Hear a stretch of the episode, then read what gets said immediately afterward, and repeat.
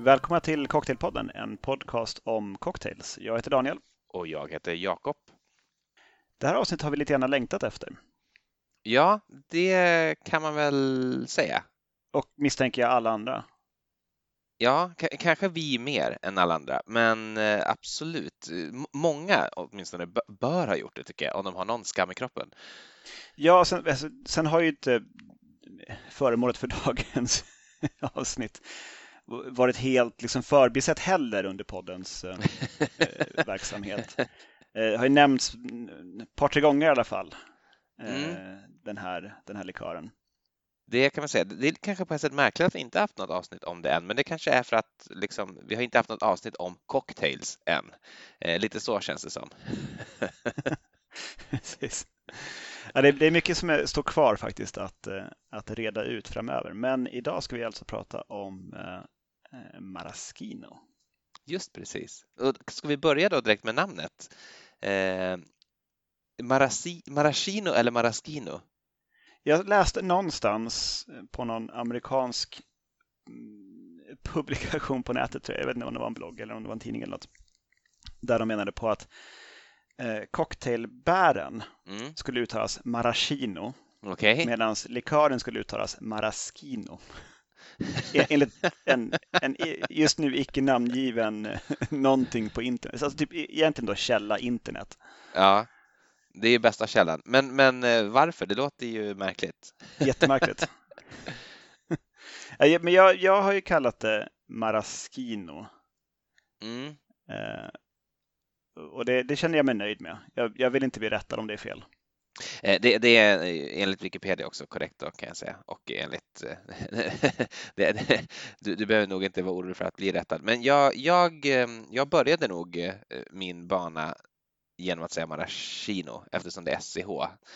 Men ehm, blev ganska snabbt varse om att jag gjorde bort mig då så att har, har ändå under större delen av mitt cocktaildrickande liv använt det korrekta uttalet, nämligen Maraschino. Skino. Så bra. Ja, men då har vi väl en gång för alla rätt ut det, att det heter Maraschino. Ehm, det finns några Maraschinos att få tag i eh, i Sverige via enkla medel. Mm. Ehm, rätta mig om jag har fel, men de, de, tre jag har, har fått span på är Marashka, Luxardo och eh, Elena Borra. Och Elena Borra är ju exakt samma som det här Mondo Maraschino som vi har pratat om ganska mycket. Jag vet inte varför den heter Mondo Maraschino i min ägo. Jag misstänker att det är en svensk importör som någon gång tyckte att det var ett bättre, mer säljande namn, för etiketten är på svenska också. Men jag la märke till det nu faktiskt när jag kollade upp det här och såg att den inte finns kvar, men att det här Elena Borra finns på, på korken på min Mondo Maraschino så står det Elena Borra med den här Elena Borra-loggan. Så det är uppenbarligen samma produkt. Det är också Jaha. samma fla flaska, det är bara en annan etikett. Så, oklart varför som sagt. Väldigt märkligt. Mondo ska väl betyda världen eller? Ja, det är väl det man brukar säga. Så världsmaraskinon? Ungefär som världsmusik? ja, kanske. Jag vet inte. Och minst lika bra, eller vadå? Ja, precis. Alltså den första Maraskinon jag köpte, köpte jag i, när jag var på Sicilien för en massa år sedan. Den hette Stock och hade i stort sett samma flaska som de andra, liksom en sån här äh, lindad, äh, lindad grej runt. Liksom så jag vet inte vad det är för material riktigt, men det är väl något papper kanske eller något som är lindat runt. Ja, det är väl någon sorts gräs måste det vara, är det inte det? Jag tror Luxardon verkar vara någon slags pappersgrej. Stock hade någon slags växtmaterial. Mm. Um, men sen förstod jag ju inte riktigt grejen med uh, en, en, last word. Uh, för att jag gjorde den på den här stock Maraskinon. Mm. Som jag i efterhand har förstått var, riktigt, riktigt usel. jag har inte hört talas om den så att jag kan inte riktigt uttala mig. Nej, den, jag googlade gärna på den innan. Det, är, det finns ju, det är som ett, ett reputable house liksom som är det här Stocker, åtminstone historiskt. Men eh, eh, den, hade liksom, den saknade den här, eh, den här lite svårförklarade smaken som åtminstone Luxardos Maraschino har. Mm. Den här som liksom påminner om, om kirsch fast sötare och lite mer aromatisk. Liksom. Eh, Stock hade inte det, så jag liksom provade ju liksom Last Words och tyckte bara, nej, men det här var väl inte någon fantastisk eh, höjdardrink. Och sen provade jag den en gång på Luxardos Maraschino och bara, jaha, ja men okej, men det är därför den är så jäkla populär. För att den är jättegod, den är fantastisk. Det där är intressant för att jag vet inte om vi kommer att komma in på det igen, men jag tar upp det redan nu då. Att, att de här, det finns ju eh, ganska många olika Maraschino-likörer runt om i världen och tre stycken som då är relativt enkelt att få tag på i Sverige. Och de är alla, åtminstone alla de som jag har prövat, väldigt olika från varandra. Ehm, och när man har ett cocktailrecept så är det i princip alltid Luxardo Maraschino som avses. Och jag förstår varför. Ehm, jag kommer också återkomma lite grann. Vi har gjort lite tester med då, mellan Mondo och Luxardo och, och eh, kommer att rapportera från det. Så jag förstår varför på ett sätt, men det är också lite tråkigt för ehm, man kan ju inte riktigt byta ut dem för det blir liksom en helt annan drink i slutändan. Man kan ju ta en gin eller en annan gin och ändå få en Last Word, men en Last Word är ju med Luxardo Maraschino. Eh, och jag tycker det är en stor liksom rikedom som egentligen inte kommer oss till del genom att inga bartenders och receptmakare liksom hittar på drinkar anpassade för de andra Maraschino-likörerna. Förstår du hur jag tänker? Ja, men det, det är ju liksom en hel, en hel smakvärld som, som man struntar i. Då. Mm och helt i onödan. Det är bara för att man har bestämt sig för att det här är den godaste, men man kanske inte ska tänka så. Man kanske ska tänka på att det här är den som smakar så. Och här är en annan maraschino-likör. Den smakar på ett helt annat sätt. Den kan man ha till helt andra drinkar. Så att man bara skulle använda Amaro Averna? Ja, men ungefär. Och ingen annan Amaro? För man, för man tycker det, är, det är, en, en liksom Black Manhattan blir ju, eller Dark Manhattan, Manhattan Noir, vad det nu ska heta, den, den blir ju aldrig, den blir inte lika god med någon annan liksom eh, Amari. Eller, så, så att därför tar vi bara Amaro Averna det håller ju inte, det hör man ju direkt. Eh, jag skulle säga att baserat på den här stock som jag hade förut då. Mm. Det, det, gick inte åt snabbt kan jag säga. den hade jag kvar i många år. It remained den, in stock. Den ensamma flaskan. Ja, ja nej men jag köpte den för att den, den såg ut som den skulle se ut liksom. Fast det var en vit flaska istället för en grön. Mm. Jag har, vad heter det, jag har sett också andra varianter av Maraschino Maraschinos som har det här eh, klassiska utseendet då som man känner igen från Luxardo och tänkt att det är någon sorts rip-off. Men det är ju en ganska liksom stolt tradition bland Maraschino-likörtillverkare att göra just liksom flaskor i den där stilen och med något sådär wraparound. Ehm, så det, det, det, knyter ju an till en tradition. Det, det är ju inte en rip-off på just Luxardo. Det var ju inte heller Luxardo som var först med det uttrycket. Ehm, är det någonting som du vill fördjupa oss i, Daniel? det skulle vi kunna göra. Alltså, från början så har det här är ju någonting man har sysslat med i hemmet. Det här är ju, det är ju inte från början en industriprodukt utan det är någonting som man har gjort eh, i eh, Dalmatien vill jag säga att området heter. Alltså det är nuvarande Kroatien. Men då, när det begav sig så var det republiken Venedig som liksom spred sig över norra Adriatiska havet och ner där liksom.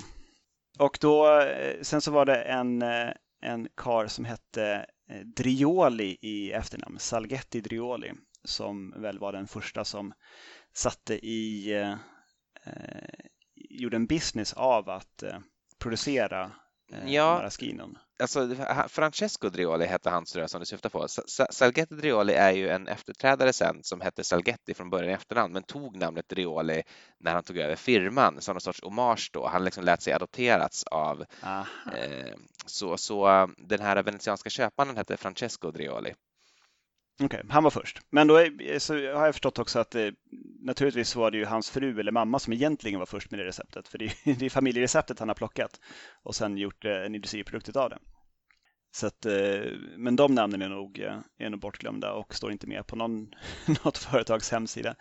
Eh, Drioli-företaget fanns ju kvar ganska länge. Eh, det eh, lades väl till vila 1990 eller 1980, någonting sånt. 1980 har jag skrivit i mina anteckningar, men eh, det kan eh, inte säga att det stämmer. men, men någonstans ganska sent i alla fall. Mm. Alltså det fanns ju, I början där så var det, det var tre stora hus. Eh, Drioli, Luxardo och eh, Vlahov. Mm. Som var de stora, stora tillverkarna. Så fanns det en mängder av små och allihopa då kring den här staden som eh, hette, heter idag Zadar, men då hette Sara med Z. Precis, och det är väl också bara olika namn på olika språk, så den hette säkert Zadar för de som pratade kroatiska och de hette väl Sara och gör det alltjämt tror jag i, i Italien. Mm. Vilket också gör den helt ogoogelbar. alltså, försök googla på en karta eh, var staden Sara ligger någonstans och du får reda på var exakt alla Sara-butiker ligger någonstans. Just det, och de finns i ganska många städer. Han, han börjar väl dock inte där, han, han börjar väl faktiskt i Venedig, va? alldeles, alldeles från början där 1759, men av skäl som jag inte riktigt har klart för mig tog sitt pick och pack och drog till Sadar, kanske för att det var där de här körsbärna växte. Eh, det var lättare att och eh, hitta dem. Det, det är bara jag som spekulerar dock. Eh, här kring Venedig så finns det ju ett sånt liksom stark glasblåseritradition också och många skickliga glasblåsare. Så det är ju liksom de som har tagit fram den här fyrkantiga flaskan som han hade då, som var väldigt lätt att stapla eh, och bra för transport. Men, eh, men han tog med sig många av de här glasblåsarna så han öppnade någon sorts kombinerat liksom destilleri och typ glasblåseri och verkligen liksom gjorde allting själv där i Sara Zadar så en av de första med en, en noveltyflaska alltså? Ja, det kan man säga. Men det är väl där sen det exploderar. Det här är väl typ slutet på 1700-talet någon gång när det här sker. Eh, det här blir en populär produkt och sen typ i början på 1800-talet, typ 1820, 21 någon gång så kommer eh, vad heter han, Gira, Giromoro? Vad Girolamo. Girolamo Luxardo och, och öppnar Luxardo i, i samma stad då. Och, och sen så liksom bara kommer fler och fler. Bland annat de här Vlahov som du nämnde. Precis. Eh, och, alltså Girolamos namn står ju fortfarande kvar på etiketten på Luxardo idag. Eh, längst ner, hans, hans namnteckning finns med där. Aha, så där. Och så står det uppe till vänster Sara 1821 och sen 1947 i Torreglia och det är ju tillbaka i Italien. Och eh, det finns ju tråkiga skäl till att de eh, flyttade sin produktion från eh, nuvarande Kroatien till eh, dagens Italien, nämligen krig. Krig och elände. För andra världskriget rullade in och eh, en del av eh, Luxardo-familjen fick, fick lite bekymmer och förlorade både liv och lem till Titos partisaner. Och sen så bombade man också Sara ganska hårt. De allierade flög över och bara tokbombade hela staden, inklusive liksom industriområdena där de här husen hade sina, sina produktioner. Mm. Så att eh, eh, med andan i halsen och eh, i sista stund så är det en av Luxardo, jag har tappat hans förnamn, men som lyckas ta sig därifrån med ett av Luxardo-familjens eh, speciella körsbärsträd under armen. En sån liten, eh, liten plant, eh, skol, plantskolplantning som för att ta med sig. Och sen så åkte han över till Italien och en bekant lyckades också ta sig därifrån med receptboken under sin arm. Så att eh, de strålade samman sen i Italien och, och satte i ordning då eh, enligt texten jag läste 1946 men på flaskan då 1947 i Torreglia eh, där väl de fortfarande finns kvar idag och har sin produktion. Just det, som är någon sorts förstad till Padua, va? tror jag. Det stämmer, det ska ligga utanför Padua. Eh, medan Vlahov hamnade i Bologna-trakten och Drioli var någonstans utanför Venedig i Mira. Så de spred ut sig lite grann i, eh, i norra Italien. Mm. Och eh, det är väl därför att de här sura körsbärna man behöver växer väl där. Ungefär, det är väl samma klimat kan jag tänka mig som över i Kroatien. Ja, vad var det? Så salt och kalkrik jord tyckte jag läste och, och varmt förstås. Precis. Luxardo ska ju då ha ett, ett, ett eget, en egen sorts körsbär, enligt sig själva i alla fall. Sen hur pass olik den körsbärssorten är från de andras, det vet jag inte. Men det är ju en väldigt eh, annorlunda smakande maraschino, så att det kanske ligger någonting i det ändå. Det gör det säkert eh, någonting. Det, det, fick ju den här eh, um maraschino-produktionen i Sadar har ju dock eh, kommit tillbaka. Det har du säkert också läst dig till.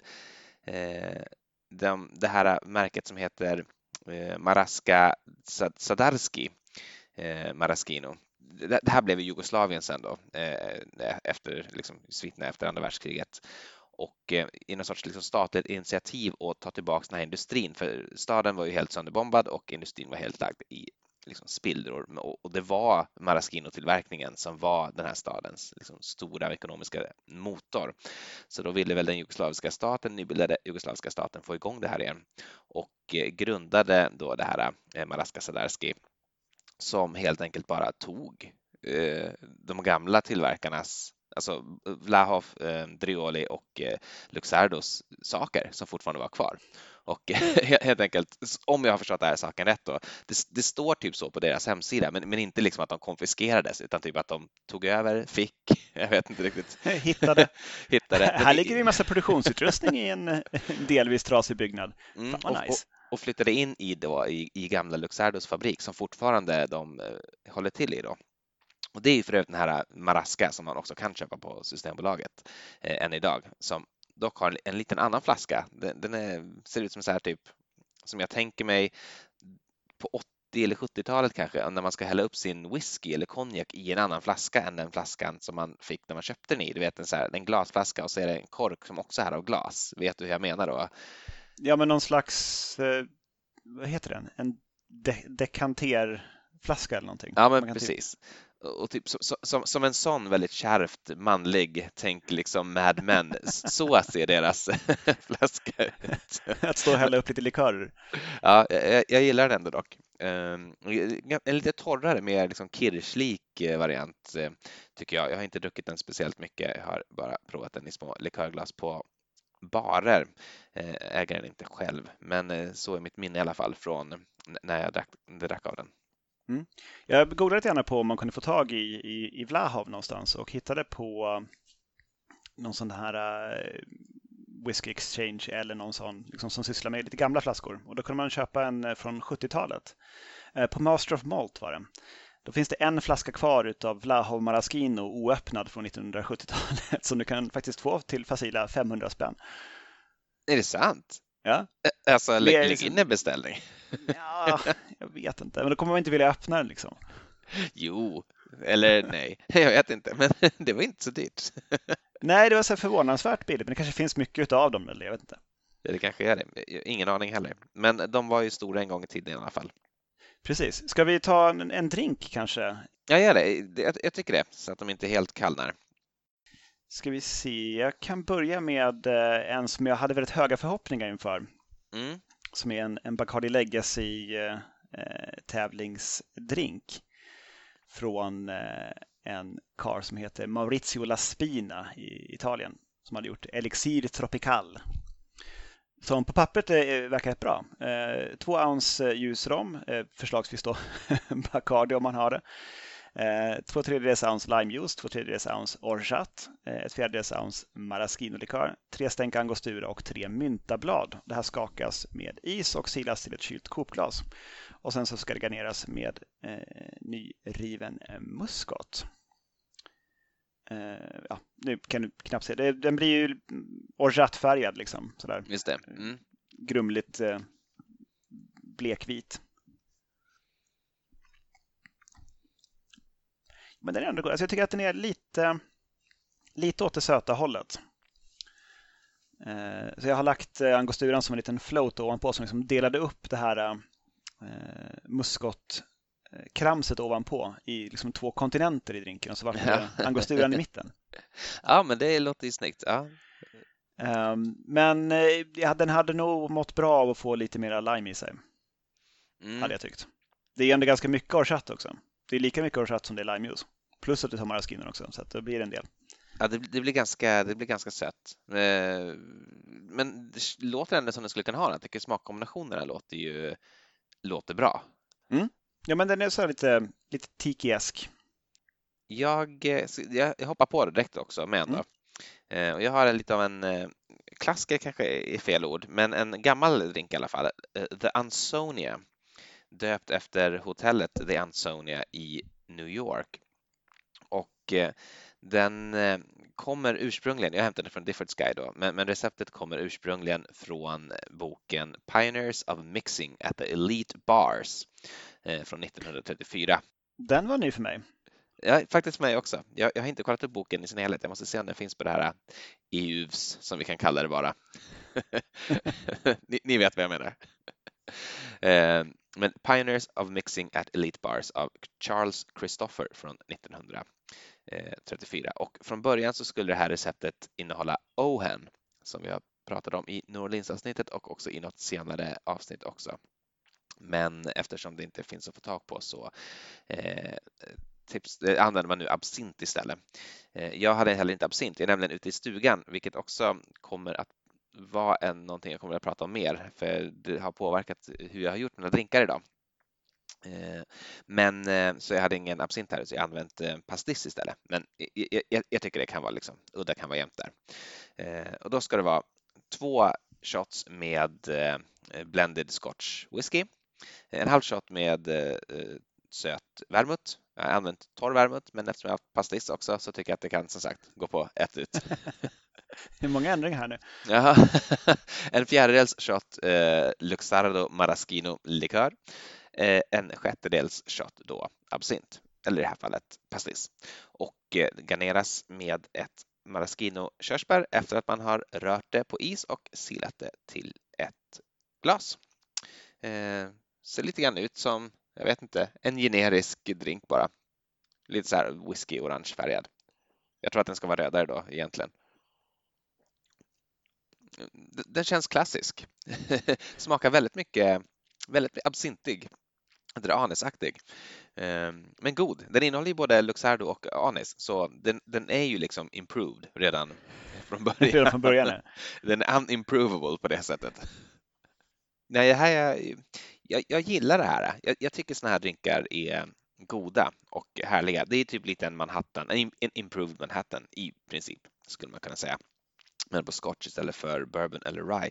Men eh, det behöver inte vara så komplicerat. I, ibland så räcker det med att man tar allt som är gott och liksom lägger i en stor skål och så får man ut någonting som, som är gott. Och det, här, det här är gott. Det är gott. Jag gillar det. Ja, det är noterat. Men då kanske jag kan ta min som jag har ungefär samma reaktion på nämligen en variant av en Aviation. Ja, sure. Som är skapad av eh, den här Simon Difford som du kanske har hört talas om eh, på Cabinet Room. Han har också gjort en bok, en serie böcker kan man säga, om cocktails. Eh, och han, naturligtvis har han fått fem stjärnor i och med att det är hans egen drink. Så att, då ser den ut sådär. Ja, svårt att se kanske, men vackert ljusblå med Oj, norra Europas längsta limezest på. Jag varit lite inspirerad av din jättelånga apelsinzest från ett tidigare avsnitt. Den var ju nästan galen eftersom det är lime också. Vad kul. Eh, här har vi det ett och ett tre, tre fjärdedels ounce tequila. Eh, ska egentligen vara vit men jag använder reposado, för det är det jag har. Ett halvt ounce maraschino-likör, ett fjärdedels ounce crème de violette och ett halvt ounce citronjuice. Skakat på is och silat till ett kylt glas, garnerad med kanske en mera blygsam repa limezest, men ändå. Men du förstår ju. Mm. Du förstår ju att det här är gott. Det är klart man gör. Det, det behöver man liksom inte uttrycka i många mer ord än att en aviation är god och tequila är gott. Alltså, Art de Volar som den heter är gott. Ja, eh, inga konstigheter. Det, jag, jag funderade faktiskt på att blanda till mig en sån också. Nu är jag glad att jag inte gjorde det eftersom eh, Eh, då fick du chansen istället. Eh, ska jag... Eh, ska, ska vi prata lite grann om hur man gör? Hur man gör... Du menar vad det är liksom? Ja, precis. ja, men det är väl... Um, det är inte, tycker jag, inte så tydligt beskrivet alltid på företagens egna hemsidor, men det är ju en, en fruktsprit gjord på de här eh, sura körsbärna mm. som man jäser och bränner. Och sen kryddar, kryddar man upp det med någonting och sötar upp det. Ja, alltså, jag, nu har jag kollat lite grann bara på hur, hur eh, Luxardo gör sin. Då. De skriver inte ut receptet liksom helt och hållet, men de skriver ungefär. Ehm, och det är ju, alla de här är ju helt klara, så man förstår ju att de är ju liksom destillerade för att få den här smaken. Så att de, det är ju liksom, om du kollar på en Cherry Herring till exempel så är den helt eh, ehm, eh, av att det har legat körsbär i den. Eh, mens eh, en Luxardo är ju helt vit eftersom den, den liksom inte är lagad som körsbär i den färdiga produkten. Eh, utan man har någon sorts grundsprit. Jag, jag skulle gissa en ODV men är inte säker på det. Men som inte är gjord på körsbären då? Nej, som inte är gjord på körsbären utan liksom bara en, en vanlig sprit. Jag gissar också att den köper man färdig. Eh, jag, jag, tror inte att de gör den, men, men det här är också bara återigen jag spekulerar. Men de har liksom ingen beskrivit i alla fall liksom hur de tar fram den här spriten de har som grund, utan strunt i det. Eh, man har en sprit, man plockar körsbären när de är mogna på typ sommaren och eh, lägger tillsammans med lite grenar och blad från samma träd. Eh, jag skojar inte nu. Eh, på någon sorts lärkträ, fat av lärkträd. Och det får de ligga typ i tre år och liksom mogna till sig. Och, och det blir ju då någon sorts typ bladgren cherry hearing typ. Den destillerar man igen sen Eh, så liksom med grenar och allting fortfarande kvar i liksom spriten. Du, du tar inte ut dem utan liksom låter allt ligga kvar, gör en omdestillering och det är det du har som är liksom grunden till din eh, till din eh, Luxardo Maraschino-likör. Det här får sedan ligga och vila på askfat. Så de är ganska roliga, intressanta träslag tycker jag. Eh, my, my, mycket trä som är inblandat där, både liksom körsbärsträden själva då förstås och lärkträ och askträ. Eh, och sen så sötar du upp det här bara med helt vanlig sockerlag eh, tills du når en alkoholhalt av 32 procent och då, då är du färdig. Så att i princip är det här en sorts det här är i princip bara en, en uppsötad och lite lagrad eh, kirsch, eller hur? Det smakar ju som det också. Kirsch har ju liksom den här eh, tonen utav, av just Luxardo Maraschinos. Alltså på doften är det ganska likt. Precis, och det får mig att komma in på min nästa drink också, nämligen. För så här, jag, jag har ju sagt att jag är ute i stugan och eh, jag har inte någon Luxardo Maraschino här ute. Jag tog med lite grann i en liten petflaska eh, som ursprungligen innehållit kolsyrat vatten. Eh, men det, det, jag liksom underskattade hur mycket jag behövde, så den tog slut ganska fort. Eh, ett av skälen var också att i förrgår när vi testade lite drinkar så råkade jag då ställa drinkarna som jag skulle fota på en sten som inte var så flat som, som jag uppskattade den som, så att de välte ut båda två. Så att där liksom försvann ungefär halv, hälften av den maraschino-likör jag hade med mig. Du får instagramma fotot på den blöta stenen sen. så, istället för drinkarna. Eh, ja, jag gjorde nya drinkar sen då. Eh, så, och de har redan fotat. Men eh, det här, stenen har nog tyvärr torkat upp redan. Det har både regnat och torkat och regnat och torkat sen dess. Ah, strunt samma. Men jag, jag tänkte då, jag har ju en flaska kirsch däremot, så jag tänkte att jag skulle pröva att bara liksom söta upp en kirsch och se, kan man ha det istället för maraschino? Om man till exempel som jag råkat spela ut det man hade med sig ute i stugan eller vart man nu befinner sig. Spännande. Och, eh, jag gjorde det och smakade, tyckte att det var liksom den här produkten bara socker och eh, kirsch eh, väldigt lovande och då tog jag då, det här är en 40% kirsch och jag söter den på så sätt att jag tog två delar kirsch och en del 2 till 1 sockerlag. Eh, ganska simpelt och rörde om. Och eh, sen har jag gjort ändå en, en väldigt eh, för mig välbekant drink, nämligen en aviation på den här produkten för att se om den liksom smakar som en vanlig aviation. Eftersom det är någonting som jag har druckit så pass många gånger eh, att jag tycker jag liksom vet hur den ska vara så tycker jag att jag också kan avgöra om det här funkar eller ej. Och eh, det ska jag avslöja nu. Det, jag, jag, skulle bli lurad alltså. Jag skulle tro att det här var the real deal om jag fick den här. Men är, är, är Kirsch väsentligt billigare än Luxardo Maraschino? Nej, men tänk så här. det är ju något som, man, som tar, aldrig tar slut. Om du köper en flaska kirsch så kommer du ha den sen tills du liksom tröttnar på att göra cocktails. men liksom, den går ju inte åt. Ens barnbarn kommer fortfarande ha kvar flaskan och undra vad tusan, vad ska man göra med den här?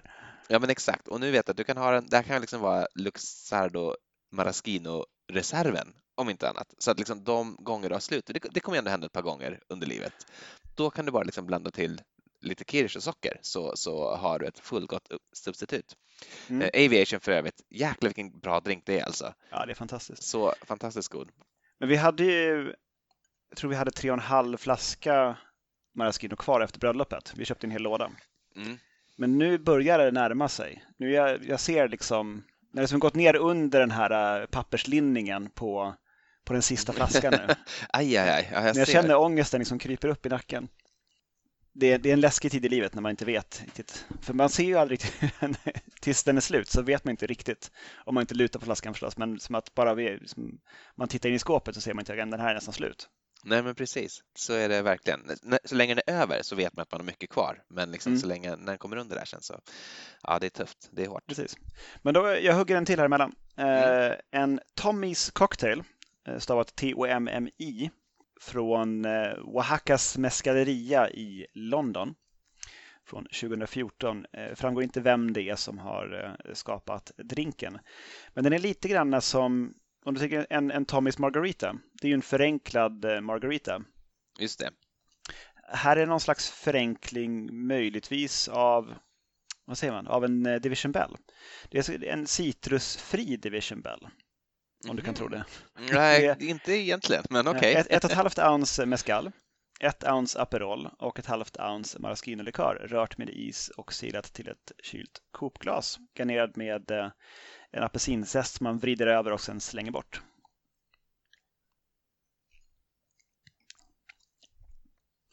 Ja, ja men den har sin charm. Den är lite söt. Um, men för ett tillfälle när man ändå vill ha en, en drink med lite sötma i så är den absolut god. Mm. Men skallen kommer igenom väldigt, väldigt tydligt och den får en väldigt fin färg också av Aperolen. Den är jättesnygg, ser jag det i webbkameran.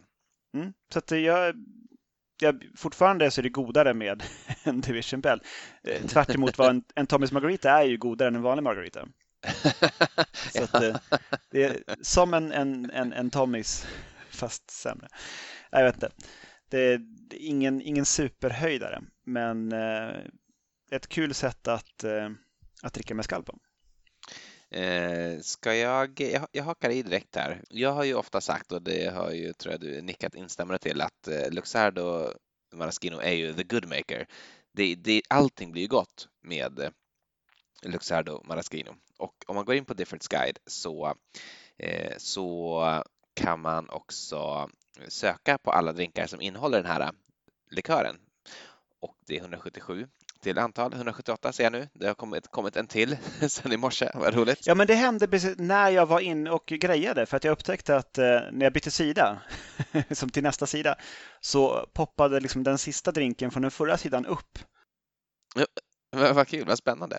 Eh, men i alla fall så om man liksom tittar där så ser man att det här är ju en drink där det är så fem eller sex stycken som har fem plus och fem är ju egentligen högsta betyg som Difford ställer ut så det är liksom någonting. Det är ju exceptionellt. Man förstår verkligen att det här det, det är liksom väldigt, väldigt goda drinkar.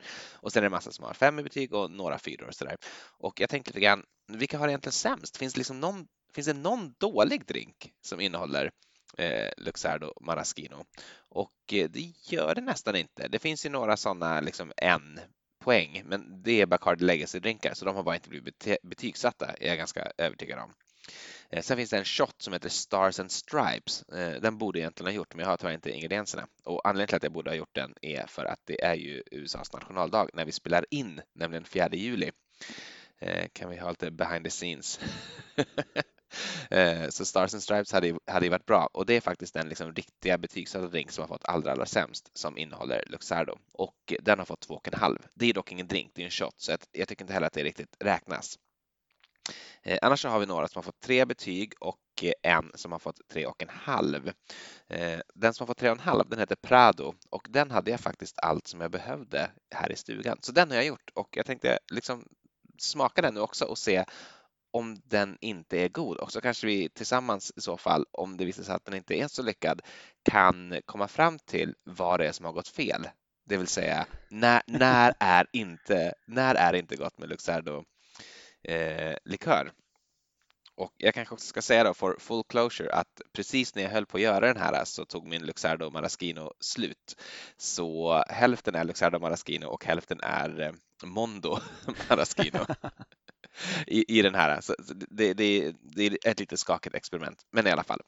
Eh, då ska vi ha två shots med Reposado Tequila, eh, en shot med limejuice, eh, en halv shot då med Luxardo Maraschino likör och en halv shot med äggvita och då ska det här skakas ganska rejält för att få ett bra äggviteskum. Du kanske ser i webbkameran att skummet ändå ligger kvar någorlunda fint ännu så att jag är ganska nöjd med min skakning mm. där.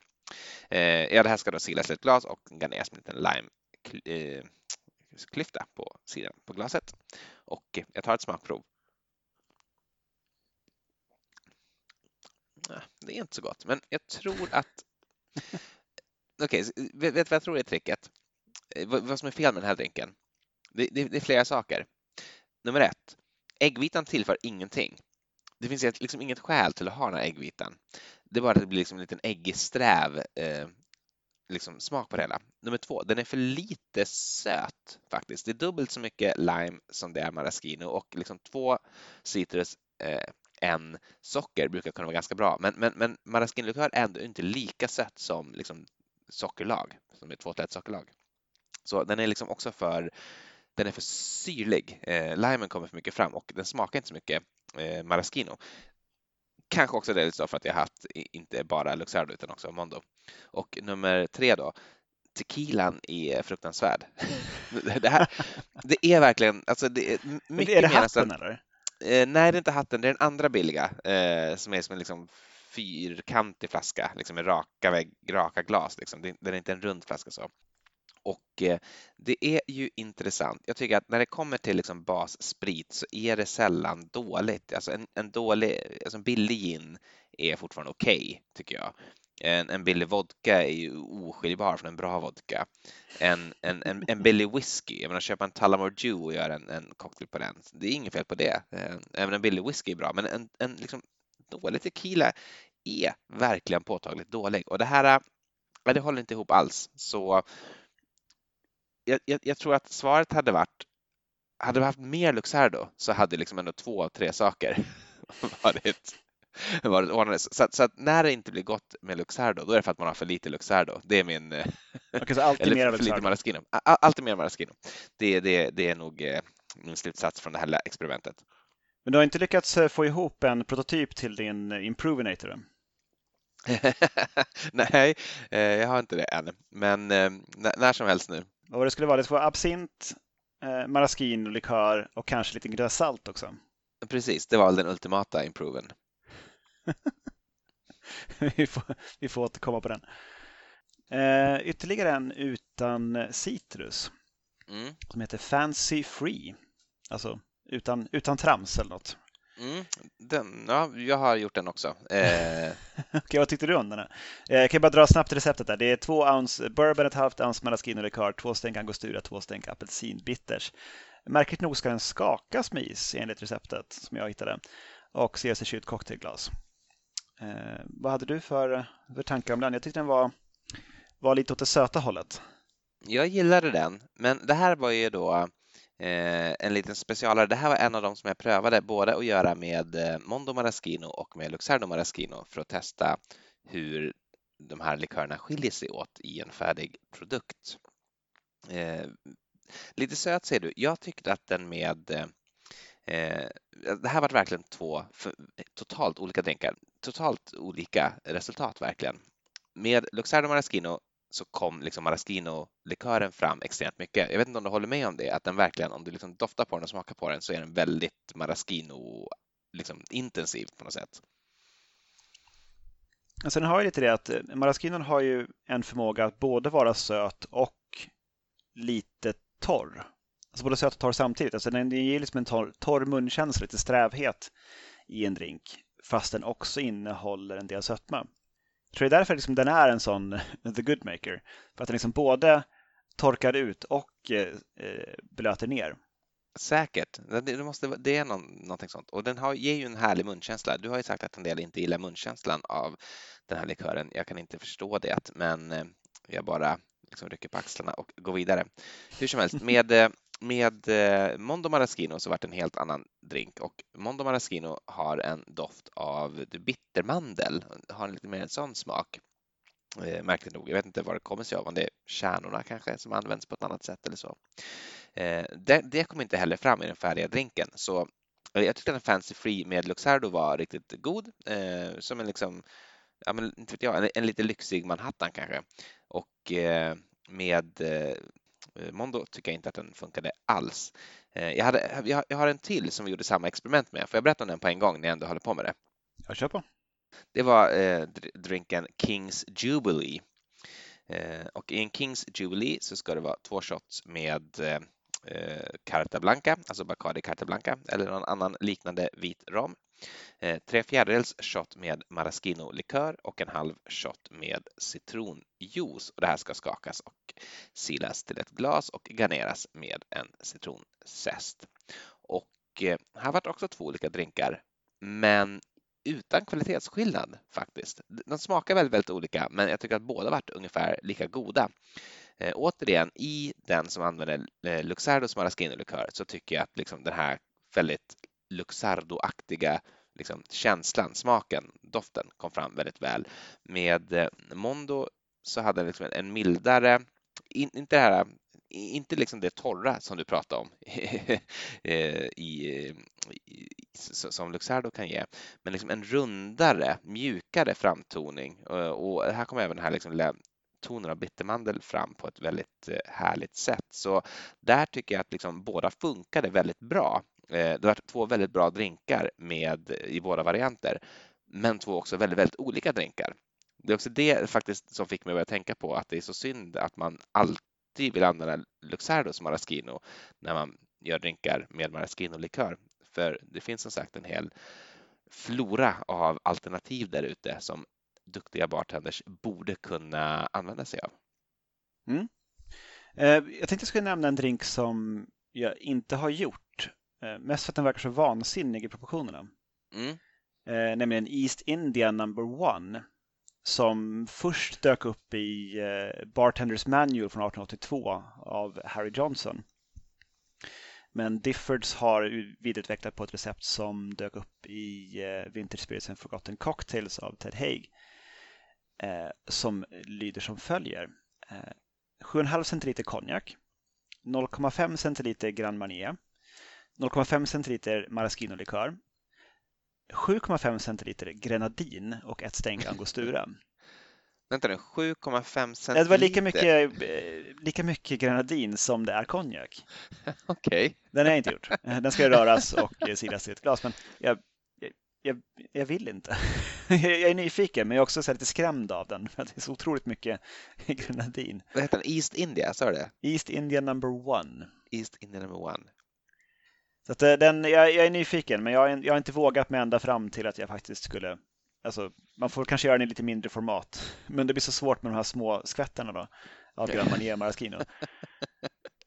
jag, jag, jag, vet inte. Det, det, den är galen. Alltså, lika delar konjak och grenadin kan inte vara bra för någon inblandad. Nej, absurt. Men då kan jag ta den sista som jag har för dagen, den som heter MGM Grand. Det finns ingen förklaring till namnet, men den kommer från Satan's Whiskers i London och det är en karl som heter Andrew Loudon som har skapat den här någonstans 2015-ish. Jag har den här också. Jag vill bara säga det. Det är den jag håller upp här, webbkameran. Okej. Jag har också min lilla, egentligen sån, eh, ett kopglas här. Eh, ett och ett halvt ounce eh, konjak, ett halvt ounce maraschino-likör, två tredjedels ounce citronjuice, en tredjedels ounce 2 till 1 sockersirap och ett stänk med angostura bitters. Skakat på is och silat i glas. Den här är riktigt god. Jättegod är den. Mm. Uppfriskande med lite citrus efter alla de här ocitrusiga drinkarna. Ändå hade det kunnat vara lite mer citrus kan jag tycka. Ja, men det, det är inte sällan man känner så. Men det kanske är också för att eh, just du och jag har en, en smak för syrliga drinkar som kanske inte delas av alla i världen. Så kan det vara. Eh, vad roligt att vi hade samma final. Ska vi därigenom ta tillfället i akt och med våran MGM Grand skåla ut det här avsnittet och, eh, och tacka för oss? Det tycker jag vi ska göra. Skål och godnatt! Skål! Bye.